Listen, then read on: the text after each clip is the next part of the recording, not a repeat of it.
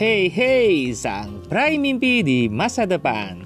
Kembali lagi nih bersama saya Elios Theophilus dalam podcast saya yang bernama What's on My Mind by IT.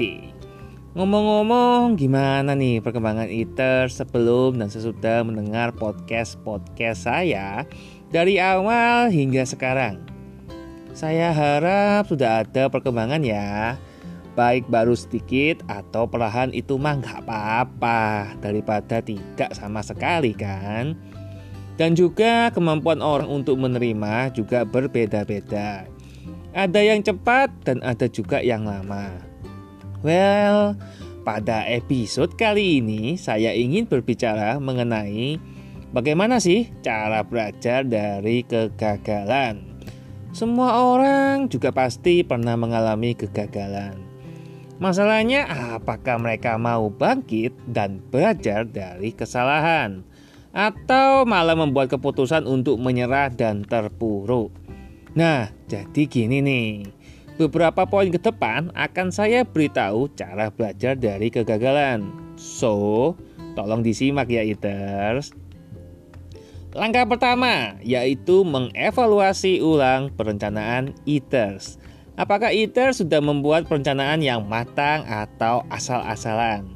Apakah sudah sempat terpikir berbagai hambatan atau permasalahan yang kemungkinan bakal terjadi ke depannya? Oleh karena itulah, alangkah lebih baik bagi ITERS untuk mengevaluasi perencanaan yang telah ITERS bikin.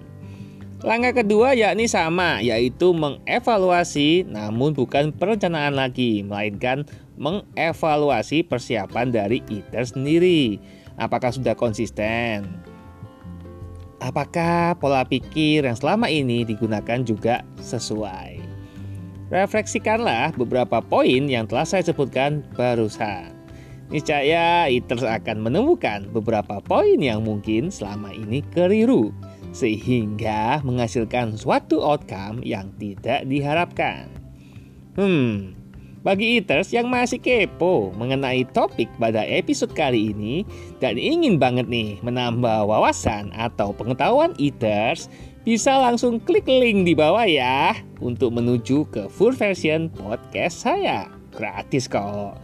See ya on my full version podcast. God bless you.